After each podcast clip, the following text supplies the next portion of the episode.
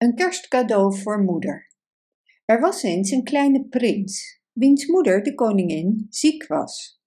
De hele zomer lag ze in bed en in het paleis werd alles stilgehouden. Maar toen de herfst kwam, werd ze beter. Elke dag kleurden haar wangen meer en de kleine prins mocht haar kamer binnengaan en naast haar bed gaan staan om met haar te praten.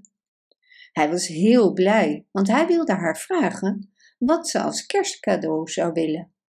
Zodra hij haar had gekust en zijn wang tegen de hare had gelegd, verluisterde hij zijn vraag in haar oor.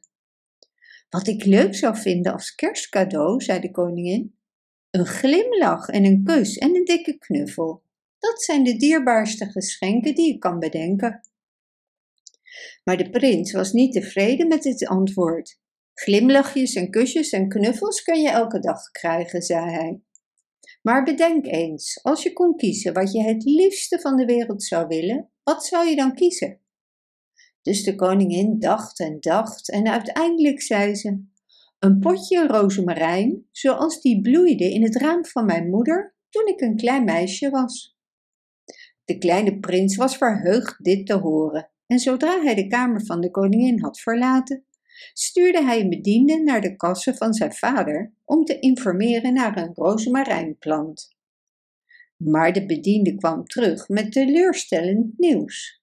Er waren roze anjers in de kassen van de koning, en rozen met gouden harten en mooie lelies, maar er was geen rozemarijn. Rozemarijn was een eenvoudig kruid en groeide meestal in landelijke tuinen, zo zeiden de tuinmannen van de koning.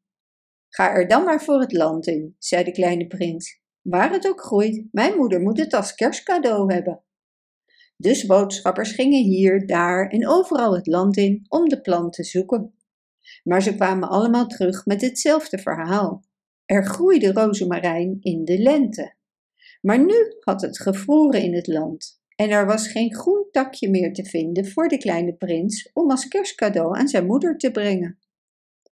Twee dagen voor kerstmis kwam er het goede nieuws dat er rozemarijn was gevonden. Een mooie groene plant die in een pot groeide. Precies in de stad waar de prins zelf woonde. Maar waar is het, zei hij. Waarom heb je het niet meegebracht? Ga het meteen halen. Er is een klein probleem. De oude vrouw van wie de rozemarijn is, wilde het niet verkopen, ook al bood ik haar er een handvol zilver voor aan. Geef haar dan een portemonnee vol met goud, zei de kleine prins. Dus een portemonnee die zo vol goud zat dat er geen ander stuk meer in kon, werd naar de oude vrouw gebracht.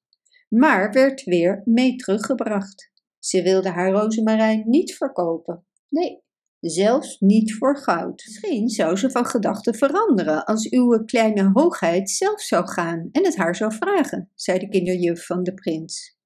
Dus werd de koninklijke koets met zes witte paarden van stal gehaald en de kleine prins en zijn bediende reden weg naar het huis van de oude vrouw. Toen ze daar aankwamen, was het eerste wat ze zagen het kleine groene plantje in een pot dat in het huis van de vrouw stond voor het venster. De oude vrouw zelf kwam naar de deur en ze was blij de kleine prins te zien. Ze nodigde hem binnen en gaf hem een koekje te eten. Ze had een kleinzoontje dat niet ouder was dan de prins, maar hij was ziek en kon niet rondrennen en spelen zoals andere kinderen. Hij lag in een wit bedje in de kamer van de oude vrouw. En de kleine prins sprak hem aan en haalde zijn lievelingsspeeltje, dat hij altijd in zijn zak droeg, tevoorschijn en liet het hem zien. Het favoriete speelgoed van de prins was een bal die leek op geen andere bal die ooit gemaakt was. De bal was geweven van een magisch materiaal, zo helder als het zonlicht, zo sprankelend als het licht van de sterren en zo goud als de maan in de oogsttijd. En als de kleine prins het in de lucht gooide, of het op de grond liet stuiteren of het in zijn handen draaide, klonk het als een klokkenspel van zilveren belletjes. Het zieke kind lachte toen hij het hoorde en stak zijn handen er naar uit. De prins liet hem het vasthouden, wat de grootmoeder net zo leuk vond als het kind. Maar ze wilde de rozemarijn niet verkopen. Ze had het meegenomen uit het huis waar ze had gewoond, toen de vader van haar kleinzoon nog een jongen was, zei ze. Ze hoopte de pot met rozemarijn te houden tot aan haar dood. Dus moesten de prins en zijn dienaren zonder de rozemarijn naar huis. Toen ze weg waren, begon het zieke kind over de prachtige bal te praten. Als ik zo'n bal had, zei hij, zou ik de hele dag gelukkig zijn. Je kunt net zo goed de maan aan de hemel wensen, zei zijn grootmoeder. Maar ze dacht aan wat hij zei. En s'avonds, toen hij sliep, sloeg ze haar sjaal om zich heen, nam het potje rozemarijn mee en haastte zich naar het paleis van de koning. Voor zilver en goud zou ik de rozemarijn niet verkopen, zei ze toen ze hem zag. Maar als je mij je gouden bal voor mijn kleinkind wilt geven, mag je de plant hebben. Maar mijn bal is de mooiste bal die ooit gemaakt is, riep de kleine prins. Het is mijn favoriete speeltje. Ik zou het voor geen goud willen weggeven. En dus moest de oude vrouw naar huis met haar potje rozemarijn onder haar sjaal. De volgende dag was de dag voor kerstmis en er was een grote drukte in het paleis.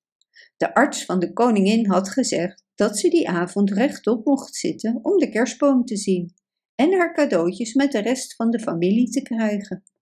Iedereen rende heen en weer om dingen voor haar klaar te maken. En de koningin had zoveel cadeaus dat ze niet allemaal in de kerstboom konden worden gehangen.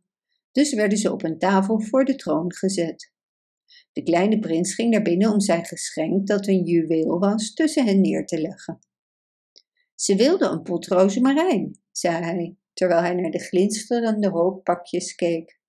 Hij dacht er die dag vaak aan. En één keer toen hij met zijn bal aan het spelen was, zei hij tegen zijn kinderjuf: Als ik een rozemarijnplant had, zou ik die willen verkopen voor goud. Jij niet? Inderdaad, ja, zei de kinderjuf. En dat zou ieder ander met gezond verstand ook doen. Daar kun je zeker van zijn. Ik wilde dat het lente was. Dan is een rozemarijn makkelijk te krijgen, nietwaar? Uw kleine hoogheid is als de papegaai van de koning, die maar één woord kent met uw rozemarijn, rozemarijn, rozemarijn, zei de kinderjuf, die tegen die tijd een beetje door haar geduld heen was. Hare majesteit de koningin heeft er alleen om gevraagd om u een plezier te doen. Verder is het niet belangrijk, daar kunt u zeker van zijn. Maar de kleine prins wist dat niet zeker.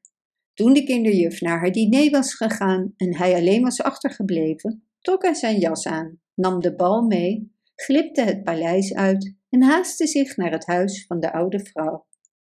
Hij was nog nooit eerder s'nachts alleen buiten geweest en hij zou misschien een beetje bang zijn geweest als de vriendelijke sterren niet aan de hemel boven hem hadden gefonkeld.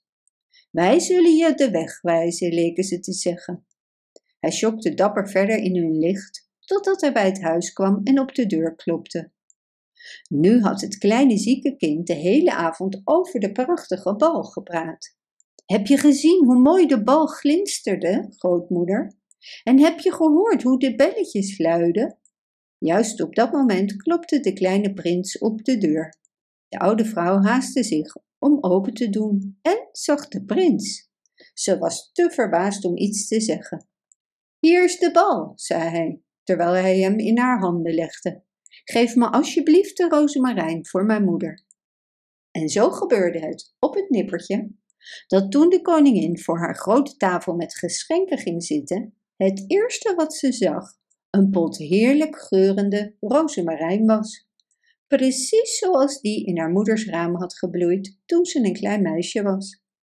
Dit is het mooiste geschenk van de hele wereld, zei ze en ze nam de kleine prins in haar armen en kuste hem. Bedankt voor het luisteren. Wist je dat je dit verhaal ook op onze website ririro.com/nl kunt lezen, downloaden en printen?